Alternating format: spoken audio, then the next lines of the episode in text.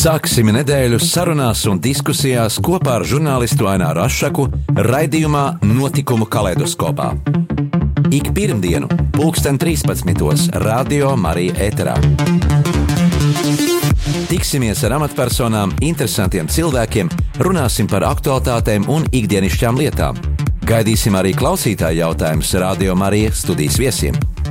Ik pirmdienu, pulksten 13. raidījumā Notikumu kaleidoskopā.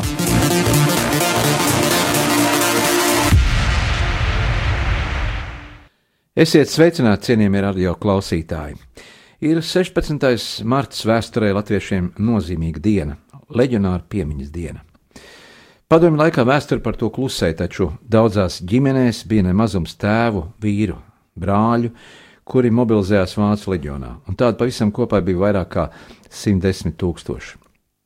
Vīri cerēja, ka pēc vāciešu uzvaras Otrajā pasaules karā Latvija atgūs neatkarību no 1940. gada PSRS okupācijas. Taču vāciešiem karu zaudējot, daudzi no viņiem palika rietumu valstu pusē, bet vairākumam tiem, kuri atgriezās Latvijā, turpmākais ceļš bija izsūtījums Gulagā. Tikai Latvijai atgūstot neatkarību 90. gados vēsturnieks sāka pastiprinātu uzmanību pievērst šīm vācu vienībām, vienlaikus šiem vēsturiskiem faktiem, gan pašu mājās, gan ārvalstīs, Latviešu leģions tika traktēts pilnīgi savādāk.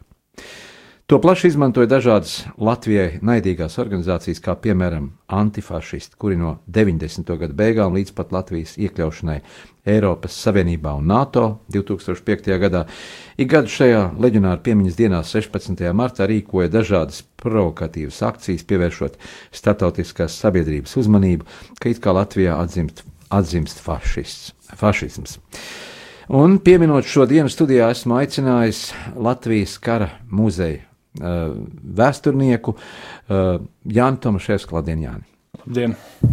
Ja šodien leģionāra piemiņas diena notiek tādos savādos, neparastos apstākļos, dēļ valstī izsludinātās ārkārtas situācijas Covid-19 vīrusa dēļ, nu kā izskatās pie brīvības pieminiekļa, kā cilvēki tur nāk, noliek ziedus?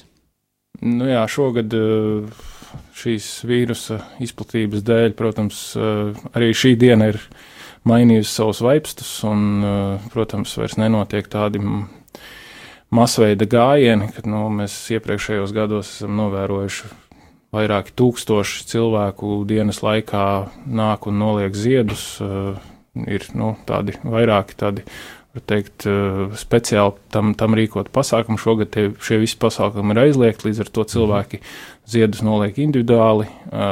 Protams, pie, pie pieminekļa drošības pēc atrodas arī drošības uh, uzturēšanas spēki, tātad policija un, un, un citas tādas drošības struktūras, kas nodrošina kārtību. Uh, nu, šajā gadījumā varbūt mazāk, lai nepieļautu kādus konfliktus. Tas, tas protams, arī, bet, bet vairāk, lai cilvēki neietu baros un, un vienkārši lai noliktu ziedus, uh, distancējoties sociāli. Un atceroties arī šo dienu notikumu, tas ir pašu drošības dēļ, uh, lai, lai, lai neinficētos ar šo vīrusu, kur, kur visa pasaule ir sacēlus gaisā, varētu teikt. Jā. Bet tagad par, par, par leģionāriem no vēsturiskā aspekta. Jā, ir vairāk kā 30 gadi, mēs par to runājam, kā jau minēju, ievadā mm, par to klusēja vēsture. Uh, padomi laikā, PSRS laikā par to nedrīkstēja runāt, bet katrā ģimenē bija tomēr uh, bija radinieki, kuri bija šajā vācu uh, armijas vienībā bijuši. Pastāst mazliet vairāk par to, kas bija šī leģionāra kustība. Jā, nu, leģionāra kustība, vispār leģiona vēsture. Teikt, mēs, mēs to pašu pirmsākumu mēs varam meklēt nu, jau faktiski jau sākot no Vācu okupācijas sākumiem.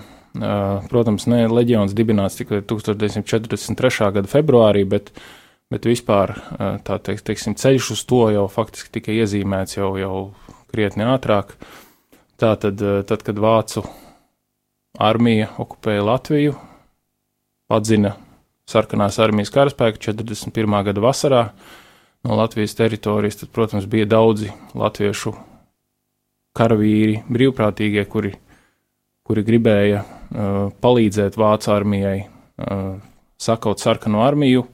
Un faktiski nu, ļoti daudziem tā motivācija bija atriept savus represētos tuviniekus. Faktiski nedēļu pirms kara sākuma bija veiktas deportācijas, vairāk nekā 15,000 Latvijas iedzīvotāji tika deportēti. Un no tiem, protams, daudz bija arī šo karavīru radinieki. Un ir vairāki uh, karavīri, kuri pēc tam ir atstājuši savas atmiņas un, un motivāciju skaidrojuši, ka, ka viņi to gribēja darīt tieši dēļ, dēļ tā, ka viņu radinieki bija izsūtīti, ģimenes bija izsūtītas, un viņi pēc iespējas ātrāk gribēja tos ģimenes, ģimenes uh, atgriezt Latvijas teritorijā. Kāpēc tieši 43. gads, ja mm -hmm. karš sākās 41. gadā vai 43. gads jau bija tāds lūzuma periods, kad uh, mm. nu, cilvēki saka, jūs jā, tā vācu armija nu, tiešām mm. var neuzvarēt un, un, un draud atgriezties mm. Krievu okupācijā? Nu, jāsaka, ka sākotnēji uh, vācu vara bija diezgan neusticīgi uzturējās, izturējās pret tiem latviešiem, kas gribēja dienēt. Uh, brīvprātīgi pieteicās, uh, jo nu, viņi uzskatīja, ka viņi diezgan ātri karu, karu uzvarēs, un teiksim, bija diezgan liela neusticība pret tām Austrum Eiropas tautām, un nevarēja saprast, ko no viņiem var gaidīt. Bet katrā ziņā, sākot no 41. gada rudens, tika sāktas veidot tā saucamās slēgtās vienības, kārtības dienestā, jeb šucmanšaft, uh, un sākot no šī 41. gada rudens līdz pat kara beigām tika izveidot apmēram, apmēram 42 Uh, latviešu šie kārtības dienesta bataljoni, kas piedalījās kaujās pret sarkano armiju austrumu frontē, kas cīnījās pret padomju partizāniem, apsargāja dzelzceļus, uh, strateģiskus objektus un, un citas, uh, citas vietas. Bet var teikt, ka šis lūzuma punkts visā karā, nu, austrumu frontē, protams, it īpaši bija 42. gada beigās, 43. gada sākumā kauja pie Staļingradas, kurā tika ielenkta vesela vācu armija.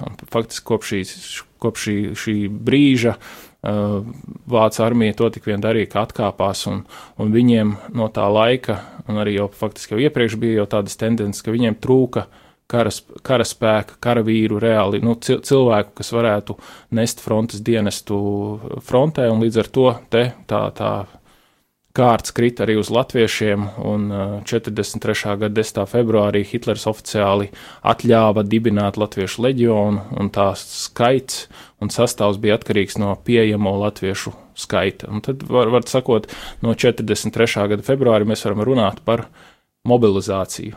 Nevis par brīvprātīgajiem, kas pirms tam dažādos veidos nonāca vācu vienībās, šajos policijas bataljonos, bet mēs jau runājam par mobilizāciju, kur eh, nepakļaušanās gadījumā eh, karavīrs bija pakļauts eh, kara un kara laika likumiem. Tā, tā bija obligāta prasība. Bet kas uzrunāja? Tad, tad latvieši uzrunāja šos vāciešus vai vācieši uzrunāja latviešus veidot šo bataljonu, leģionu? Nu, teiksim tā, bez, bez vācu varas uh, gribas to darīt, noteikti nekāda latviešu uh, latviešu mēģinājumi piedāvāt savus cilvēkus eh, nebūtu, nebūtu nu, vainagojuši panākumiem. Eh, protams, bija, eh, mēs zinām, ot, otrā pasaules kara laikā, Vācijas okupācijas laikā nodibināta Latvijas zemes pašpārvalde, kas nu, centās būt par tādu kā starpnieku starp Vācu varu un Latvijas sabiedrību. Un tad viņi, protams, arī ierosināja, ka, ka latvieši var dot vēl vairāk uh, vācu armijai, vācu bruņotajiem spēkiem. Uh, tomēr, nu, protams, tas viss nebūtu noticis bez vācu varas rīkojuma. Vai vāciešiem bija tāda uzticība pret tiem cilvēkiem? Faktiski Latvija jau bija okupēta 40. gadā, pienāca 43. gads, vai vācieši uh, bija iemantojuši uzticību pret šiem leģionāriem, ka viņi būs mm. uh, nu, pakļāvīgi viņiem? Nu, var, var teikt, ka daļēji, protams, tā uzticība bija pieaugusi līdz ar latviešu vienību uh, piedalīšanos kaujās pret sarkanu armiju, šās kārtības dienas, tie policijas bataljonu sastāvā. Un jāsaka, ka nu, vāciešiem faktiski nebija arī nu, īsti izvēles. Uh, viņiem vajadzēja kaut kā nodrošināt šo skaistli, skaitlisko sastāvu saviem bruņotajiem spēkiem. Un latvieši, protams, bija var teikt, pierādījuši sevi arī kā ļoti labus karavīrus.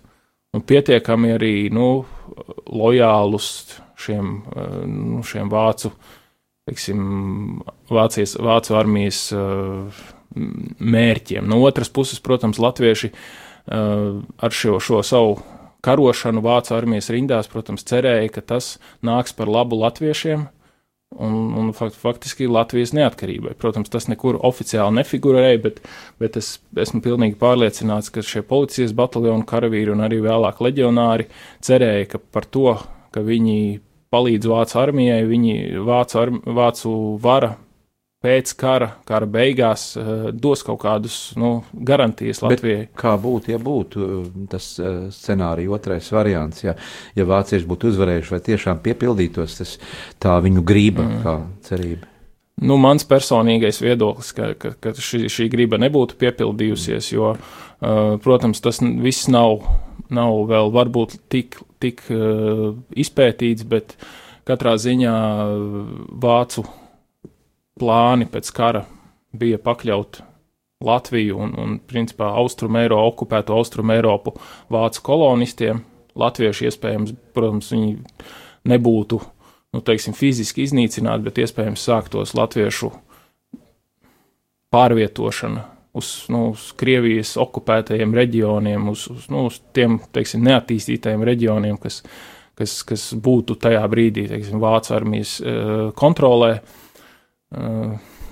bet uh, skaidrs, ka te, te vajadzētu noteikti vēl veikt pētījumus. Nu, kļūstot par uh, vācu le, leģionāri, latviešu leģionāriem, kļūstot uh, šajās vācu vienībās, kas viņus arī nodrošināja tīri militāru tehnisko aprīkojumu pašu vācieši?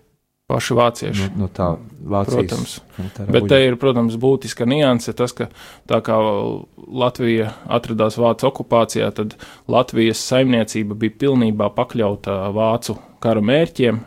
Faktiski Vācu mērķis bija uh, pilnībā izmantot Latvijas saimniecisko potenciālu, uh, lai nodrošinātu Vācu armiju, nodrošinātu rūpnīcas un tam līdzīgi. Līdz ar to faktiski Latvija, Latvija un Latvijas iedzīvotāji tika maksimāli eksploatēti, nu, tādā varbūt tāds nedaudz padomisks termins, bet eksploatēti, lai, lai nodrošinātu šo Vācu armijas uh, darbību. Ja, kāpēc tieši 16. mārts ir tas datums, kļuva par leģionāru piemiņas dienu? Jā, nu vēl varbūt īsumā jāpieskarās, ka leģiona sastāvā, sākot no 43. gada februāra, marta, tika izveidotas divas lielākas militāras vienības. Viena no tām bija 15. divīzija, kas skaitījās kā pirmā latviešu leģiona divīzija, kas izveidota Latvijā, eh, izgāja apmācību Latvijā 43. gada beigās, tika aizsūtīta uz Austrumu fronti. Otra vienība bija uh, tobrīd vēl otrā brigāde, vēlāk viņa kļuva par 19. divīziju. Tā bija vienība, kas tika izveidota frontē no latviešu policijas bataljoniem. Sākotnēji četriem, vēlāk sešiem.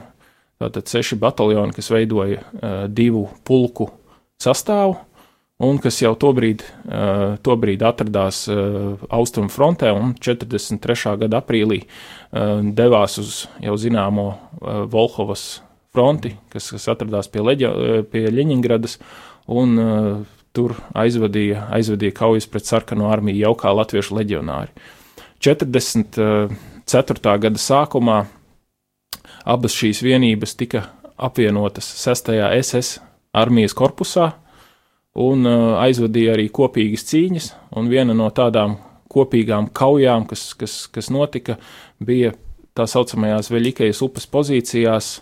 Tas ir nu, apmēram 50 km uz austrumiem no Latvijas robežas, uz uh, dienvidiem no uh, Ostravas pilsētas.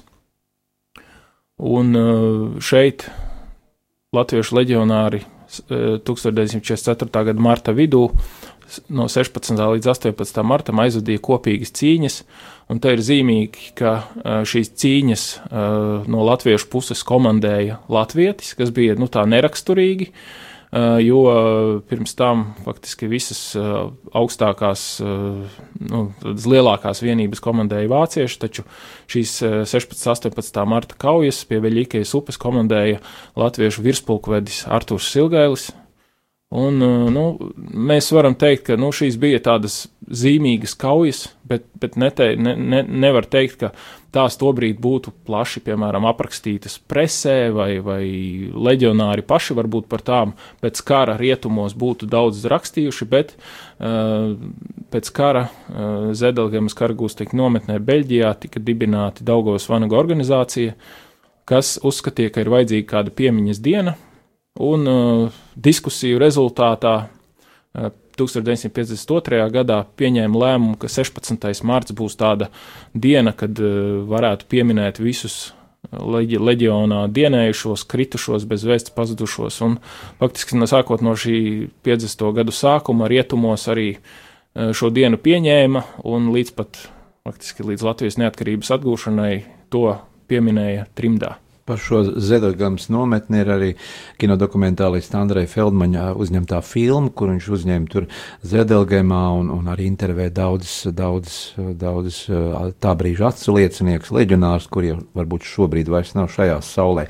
Bet kā bija ar vienprātību starp šiem jauniešiem, tie vairāk vai mazāk bija tomēr, um, nu, vēl pilngadību nesasnieguši jaunieši, 16, 17 gadus veci. Vai viņiem visiem bija vienprātība, uh, nu, šo laiku, kad viņi atradās tajā armijā? Armijā, vai, vai, vai mainījās domas un radās kaut kādas nu, pretēji, pretēji uzskati. Jūs domājat, pret, pretestība, pretestība mobilizācija. jā, mobilizācijai mm. un, un vilšanās, varbūt kaut kas tam līdzīgs? Nu, te ir jāsaka, ka noteikti būtu katram leģionāram jāuzprasa. Nu, mēs, protams, ir pieņem, pieejamas atmiņas un, un, un dienas grāmatas, bet, bet te bija ļoti plašs spektrs no, no tiem, kuri ļoti paši vēlējās dienēt. Tas bija tāds, nu, var teikt, tāda kara romantika. Vēl tajā brīdī varbūt nebija, nebija pārgājusi. Dažiem viņiem bija brāļi aizgājuši vai tēvi aizgājuši, un viņi uzskatīja, ka, ka viņi būs tādi paši kā, kā viņu, viņu brāļi, draugi, tēvi un tam līdzīgi.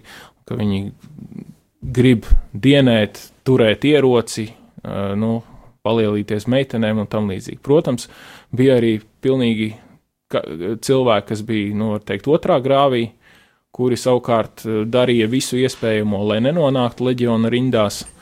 Un, uh, man ir grūti pateikt par, par tiem uh, procentiem, cik bija vieni, cik bija otri.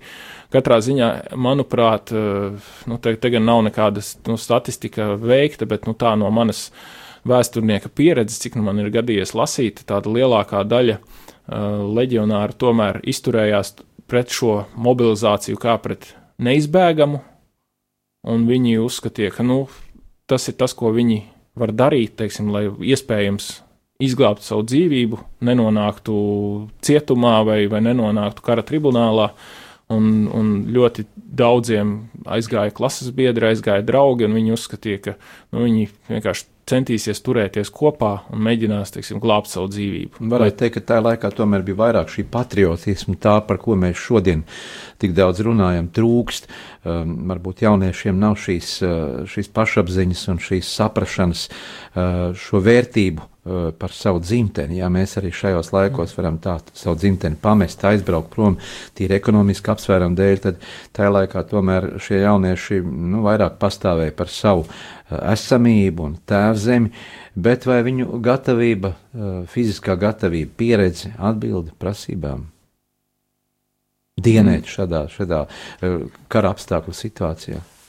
Nu, normālā gadījumā karavīri izgāja apmācību, kas ilga apmēram trīs mēnešus, bet, protams, karš ieviesa savas korekcijas.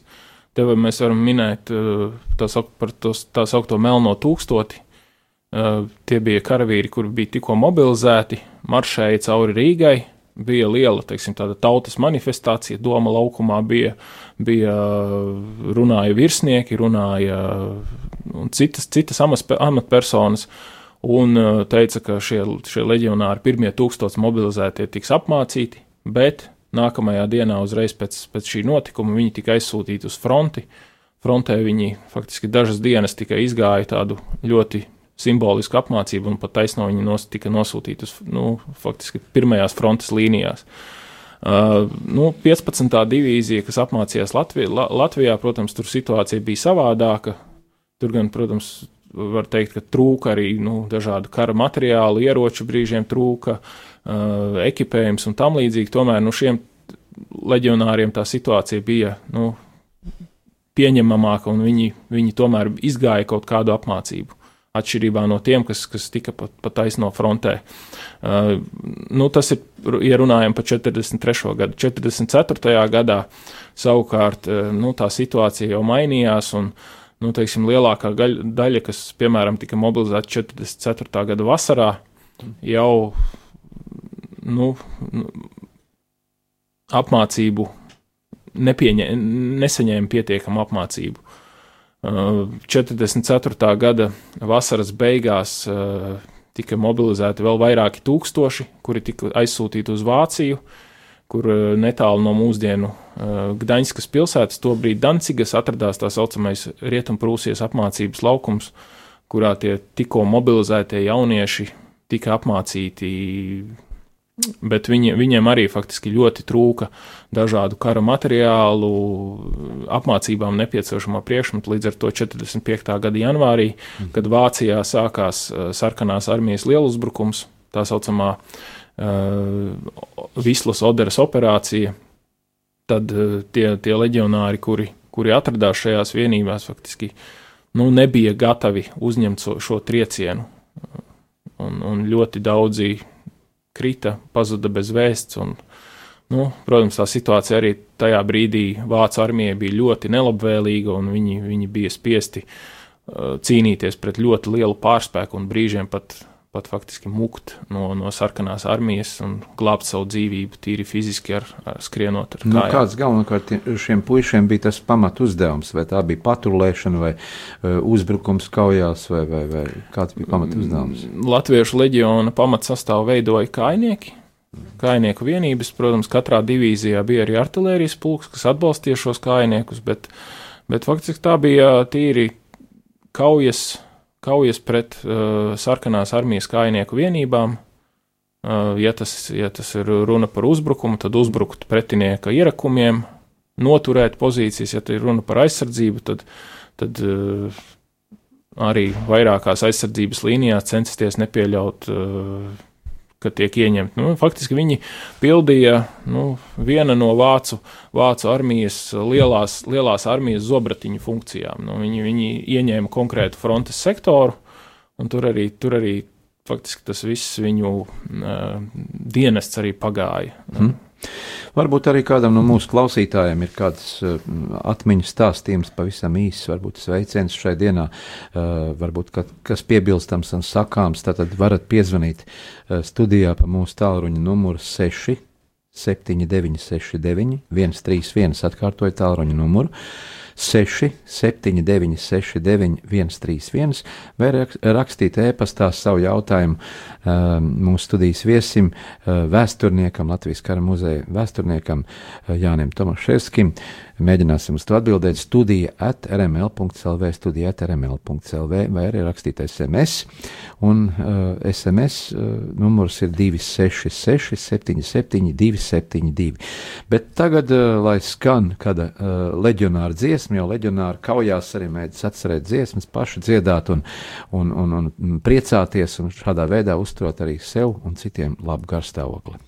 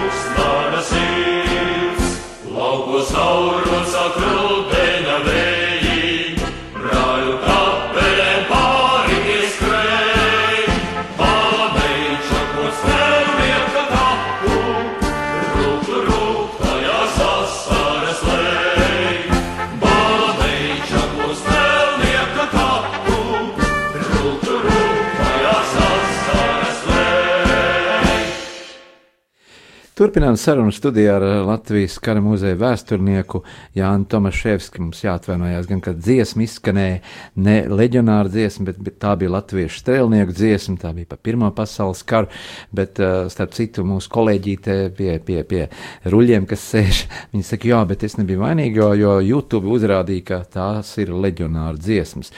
Un patiesībā nu, dziesma skanīga, skaista, skanīga, bet ar ko tad atšķirās eh, varbūt eh, strēlnieki no leģionāriem? Varbūt jaunākā paudze arī tā īsti nezina.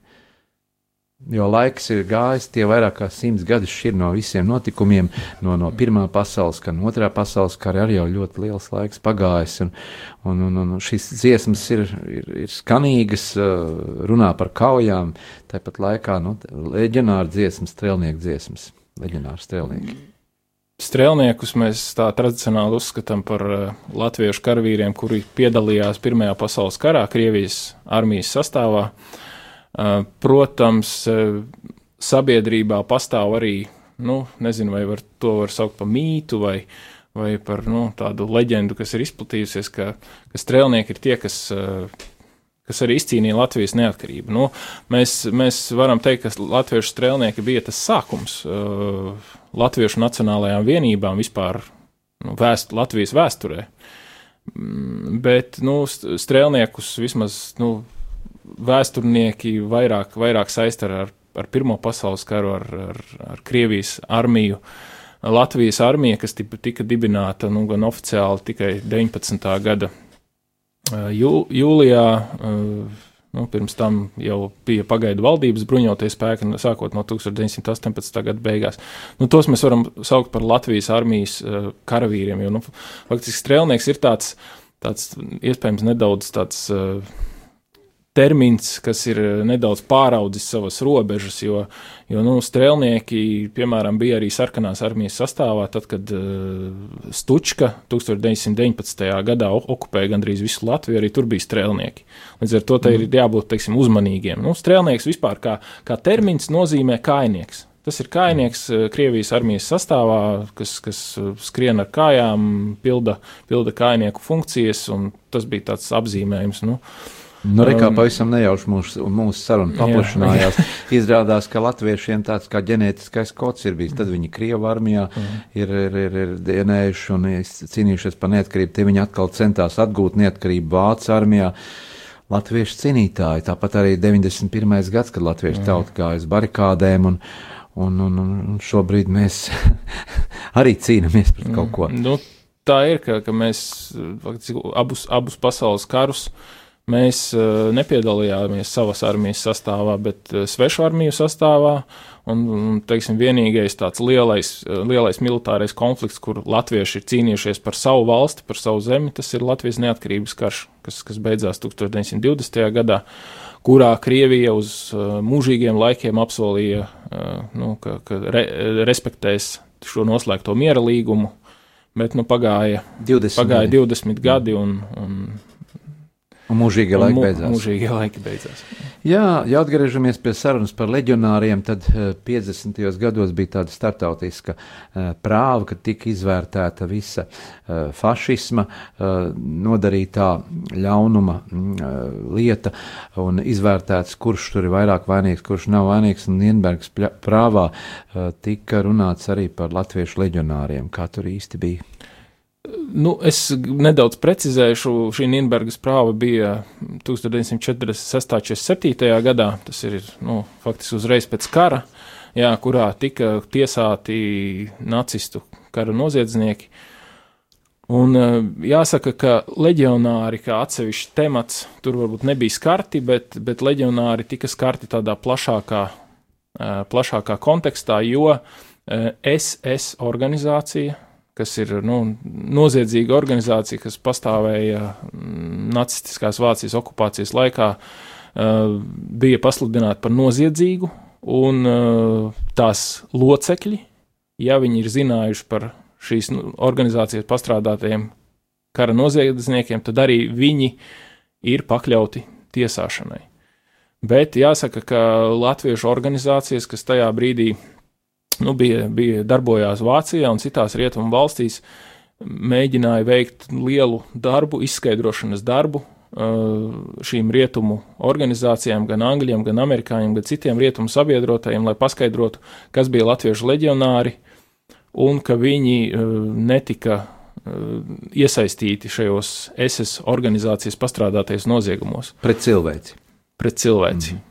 Tieši tā, un, un jāsaka, ka atrisinājums šim procesam, kas nu, faktiski ilga vairākus gadus, bija 1950. gadā, kad ASV pārvietoto personu komisija atzina, ka Baltiešu ieroču SS vienības, tā skaitā ir latviešu leģionāri, ir uzskatām par uh, no SS atšķirīgām vienībām, un uh, tādējādi viņas netiek uzskatītas par uh, ASV valdībai naidīgu kustību. Minēja, ka Baltiešu vienības, Igauni, Lietuvieši arī bija iesaistīti. Un cik lieli, Iga... lieli spēki bija no tām valstīm? Jā, Igaunijā arī bija leģions izveidots. Tur, tur šis mobilizēto skaits, ja nemaldos, bija ap 80 tūkstošiem. Lietuvā, Lietuvā teiksim, bija liela sabiedrības pretestība, un Lietuvā leģionu nenodibināja, bet Lietuvā, protams, arī pastāvēja šie saucamie policijas bataljoni, kas arī, nu, faktiski vēl vairāk nekā Latvijā tika izveidoti. Un, jā, nu, un, un faktiski no šī 50. gada mm, lēmuma, ASV valdības lēmuma, tad, tad tika uh, atvērtas durvis arī tiem latviešu leģionāriem, kuri tobrīd pārsvarā uzturējās Vācijā, uh, vai citās nu, Eiropas rietumu valstīs, un viņiem tika atvērtas durvis uz ASV, un viņi, viņi varēja izceļot. Jā, pēc neatkarības atgūšanas izveidojās tādas ciešas saiknes uh, rietumu valstu kopienām ar, ar, ar Latvijas sabiedrību, un tad Daugavas vanagi vairāk informācijas sniedz un savus vēsturiskos arhīvus vēra vaļā. Uh, un uh, cik ir nonācis jūsu, mm, jūsu, jūsu uh, muzeja, muzeja mm, pāraudzībā materiālu? Jā, muzejs uh, faktiski arī bija viena no tām vietām, kur pēc 90. gada, kad faktiski mums vēstures izpēta kļuva brīva nu, no dažādām ideoloģijām, bija viena no tādām aktīvākajām vietām, kur cilvēki nesa fotogrāfijas, atmiņas, Kara muzejā notika leģionāru pasākumi, tikšanās un tam līdzīgi. Un, un arī kara muzejs bija, es domāju, ka pirmais muzejs, kurā tika atklāta leģionāriem veltīta izstāde, tas bija 1993. gads. Protams, uz to zināšanu un materiālu bāzes, kas tajā brīdī bija. Šobrīd ļoti daudz kas ir nācis klāt, un, ja runājam par karavīru sarakstiem un karavīru meklēšanu, tad šeit ļoti nozīmīgs uh, dāvinājums uh, bija 2004. gadā, kad la, uh, kara muzejā nonāca Daugavas Vanagu Latviešu leģionu arhīvs, kas pirms tam bija atradies Freiburgā, Vācijā, ko pirms tam teiksim, ap, apkopa un, un izmantoja Daugavas Vanagu organizācija bet eh, nu, tur jau cilvēki, protams, bija ar, arvien mazāk, kuri, kuri to varēja darīt. Uh, tomēr nu, laiks, laiks bija pagājis. To pēdējais no, no šiem darbiniekiem, kas to bija veicis, bija Aleksandrs Burmeisters, kurš aizgāja bu, eh, aizsaulē. Viņš arī bija pats leģionārs. Un tad izlēma, ka, ka šo arhīvu sūtīs uz Latviju. Un kopš 2004. gada Latvija uh, Eh, Latvijas kara muzejs sniedz eh, informāciju leģionāru tuviniekiem, radiniekiem, eh, kuri vēlas noskaidrot. Pamatā šie, šis arhīvs sastāv no leģionā mobilizēto sarakstiem. Tur ir vairāk nekā 75 tūkstoši uzvārdu. Mm -hmm. Kaut arī juridiski toreiz tika atspēkots, ka mūsu leģions nav piedalījies cilvēku masveida iznīcināšanās un nav piedalījies noziegumos pret cilvēci. Joprojām tomēr startautiska sabiedrība, eh, gan arī ārvalstu televīzijas, to skaitā eh, Krievija, pastiprināti, arī citas valsts tiek eh, pastiprināti, tiek parādīts, ka nu, mēs esam tomēr kā fašismu atzimstoša valsts. Kāpēc tāda nu, propagandas ietekme joprojām saglabājas? Nu jā, tas ir, tas ir protams, politisks jautājums, un, un šeit uh, varbūt mazāk ir sakara ar vēstures Vēstur, faktiem, faktiem un vēsturi kā tādu, bet vairāk ar politiku, un, un, un te tiek varbūt daudzināti un, un uh, pavairoti mīti mm -hmm. par to, ka leģionāri bija kara noziedznieki. Nu, uh, skaidrs, ka nu, SS organizācija nebija nekāda, nekāda labā organizācija, un mēs, mēs viņu tiešām varam uzskatīt par noziedzīgu, jo viņi bija atbildīgi par, par civiliedzīvotāju slepkavībām Vācu okupētajā Austrumē Eiropā un citās zemēs.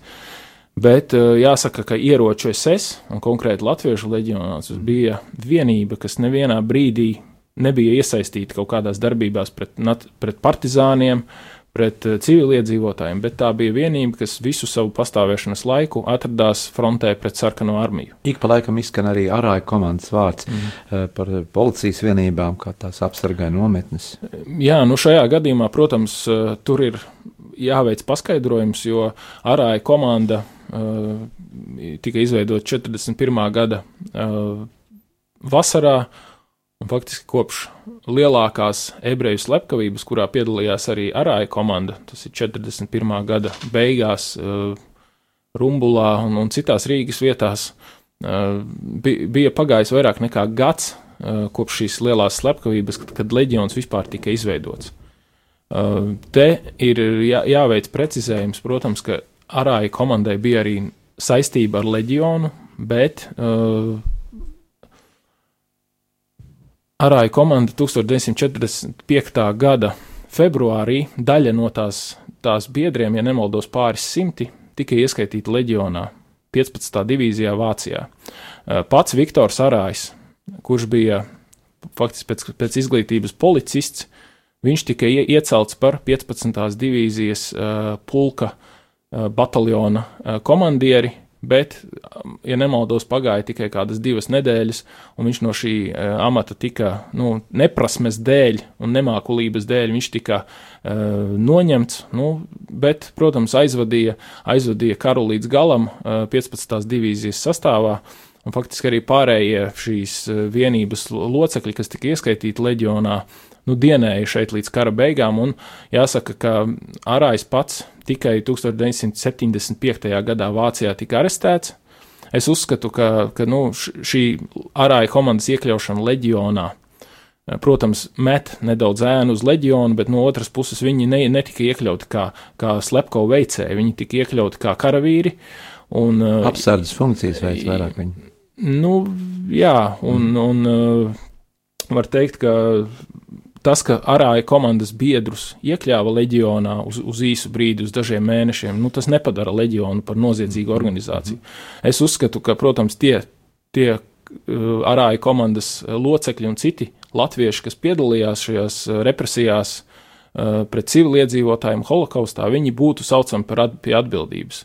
Tas, ka viņi ieplūda leģionā, daļēji arī nu, aizkavēja šo, šo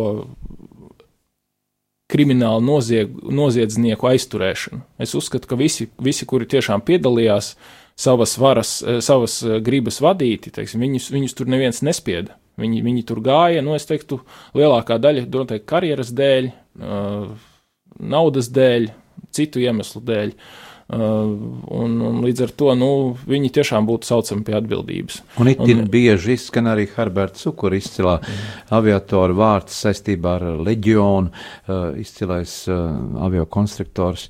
Arī viņu vārds izskan, uh, ko jūs varētu par to komentēt? Nu jā, par, par arāju, uh, par uh, Herberta Herbert. Cukuru es teiktu, ka viņa vaina nav pierādīta, ka viņš būtu kādu ebreju noslapkavojis. Bet no otras puses, es domāju, uz viņu ēnu met tas fakts, ka viņš šajā ārāja komandā atradās vairāk nekā gadu. Man uh, nav ilūzija par to, ka viņš nevarēja zināt, ar ko šī vienība nodarbojās.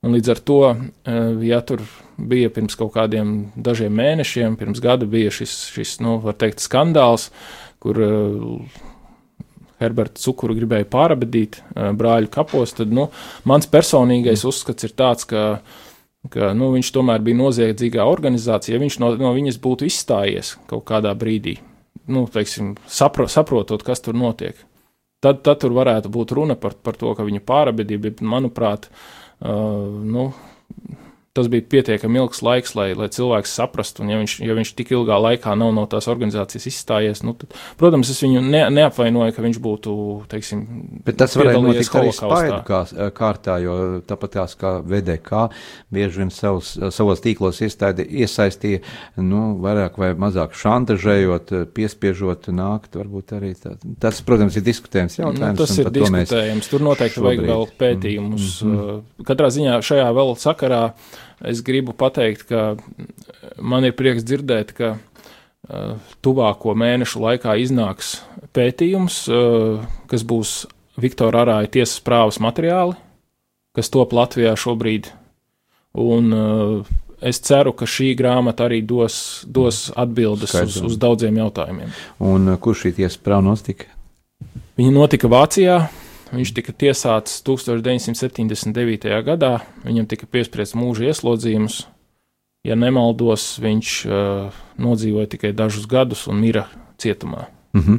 Jā, atgādinu, ka studijā sarunājamies ar uh, vēsturnieku, Latvijas kara muzeja vēsturnieku uh, Jānu Tomaševski, bet tagad lai skan uh, leģionāra dziesma.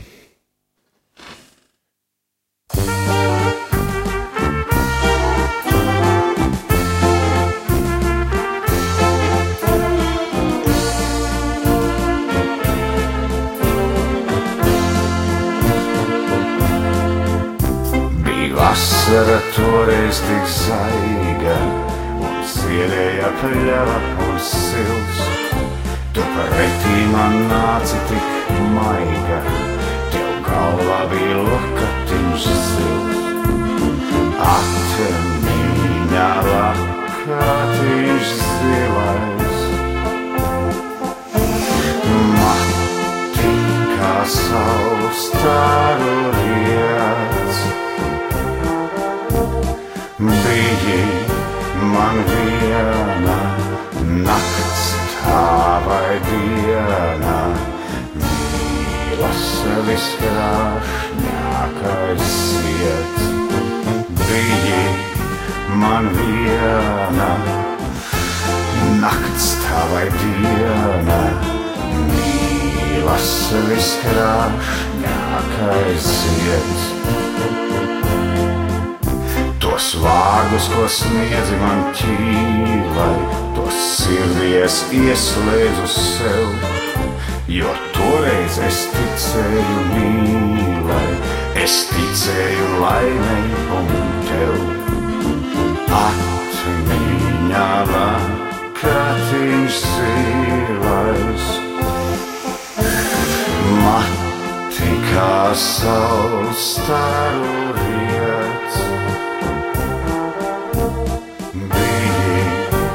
man viena nakts, tā vai diena, mīlas viskrāšņākais zieds. Bija man viena nakts, tā vai diena, mīlas viskrāšņākais zieds. Pagāja vasara zaiga un novīta pļavas un sils. Vairs nenāca meitene maiga, kam galvā bija lakatiņš sils. Atmiņā lakatiņš zilais. Mati kā sauc tādu riet. Biji man viena nakts, tā tavai dienā, mīlas viskrāšņākais iets. Bija man viena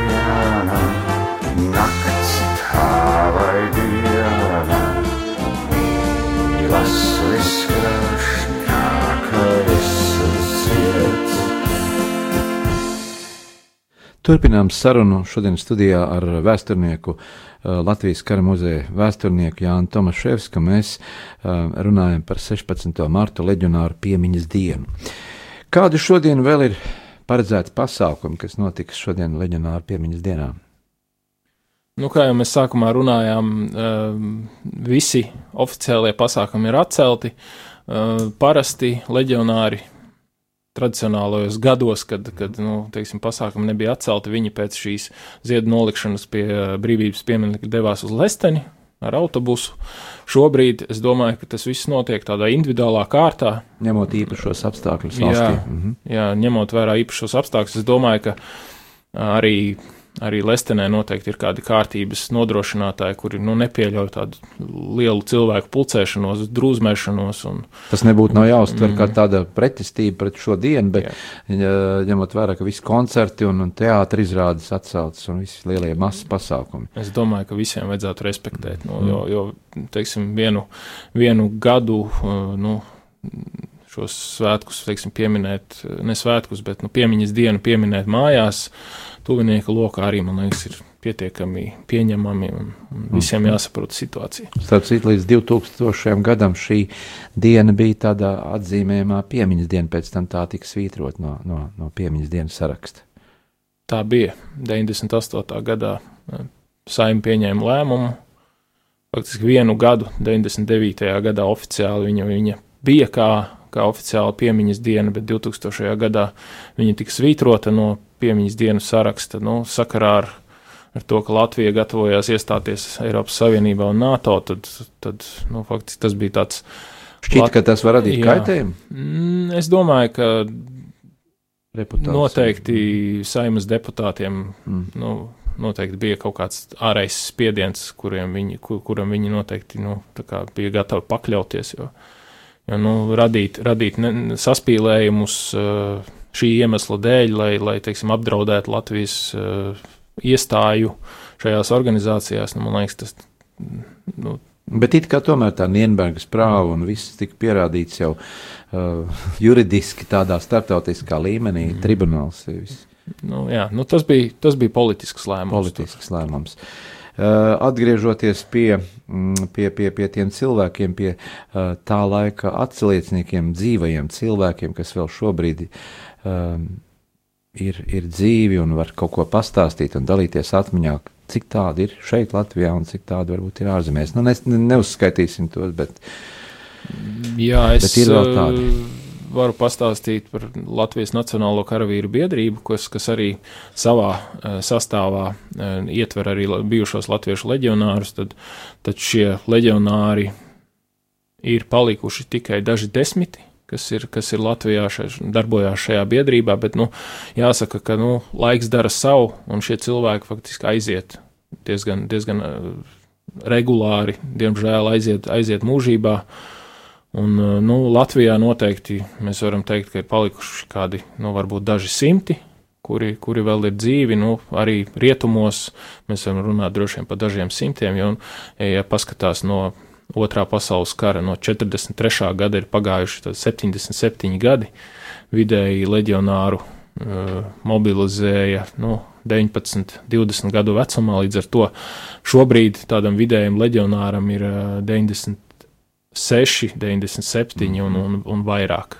Simtgadnieki jau gan ir. Jā, jā, tā kā mums principā jāpriecājas par katru vēl, kas, kas ir dzīves, kurš teiksim, apmeklē šos pasākumus. Citu, aizvadītajā gadā VF kultūras pilī bija arī simtgadnieku salidojums, un man arī tur nācās piedalīties un vadīt šo pasākumu. Un es ar, varu teikt, ka es tur satiku arī leģionārus, jau simtgadniekus, jau cilvēkus, kuri vēl joprojām ir pie pilnas saprašanas un, un, un ar labu stāju un manierēm un atcerās to laiku. Un pēc tam tā nekulāri sarunās runājām par, par, par viņu tā laika dzīvi.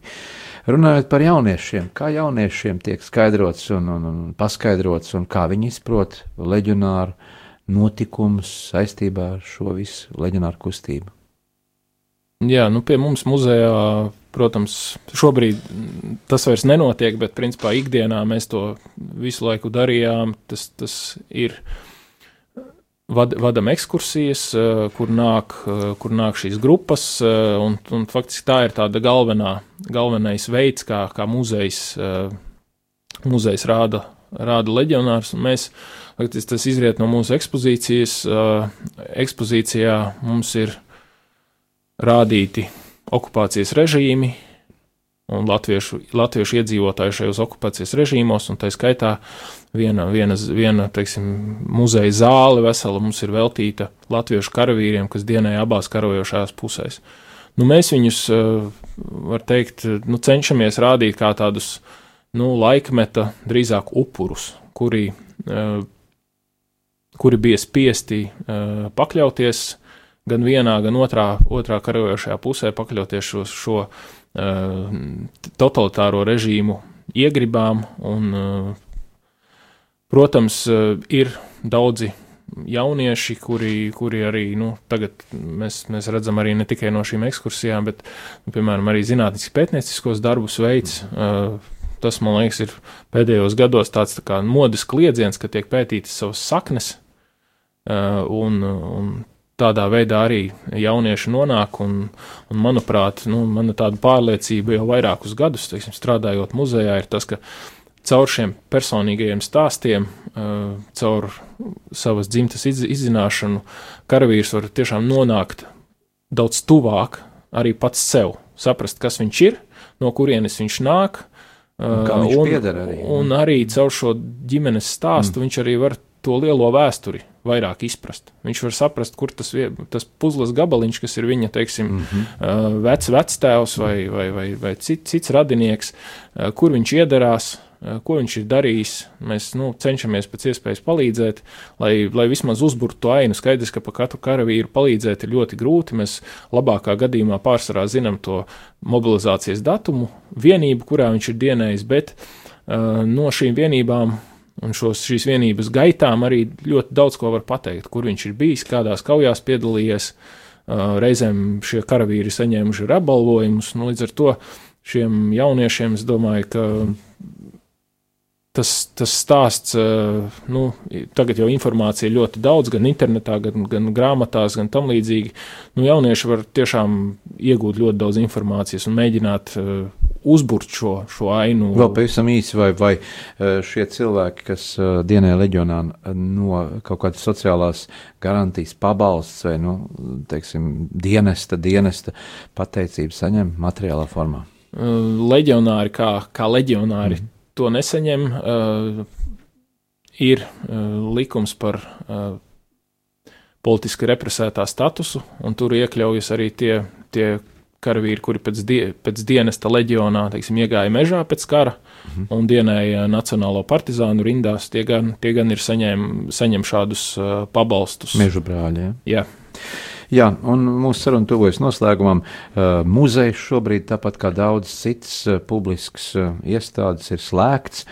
Uh, bet uh, ir iespējams pēc uh, mēneša, iespējams, ka beigsies viss šī karantīna, atkal apmeklēt muzeju, ja? pastāstiet, kādas ekspozīcijas gaidāmas tuvākajā laikā kara muzejā.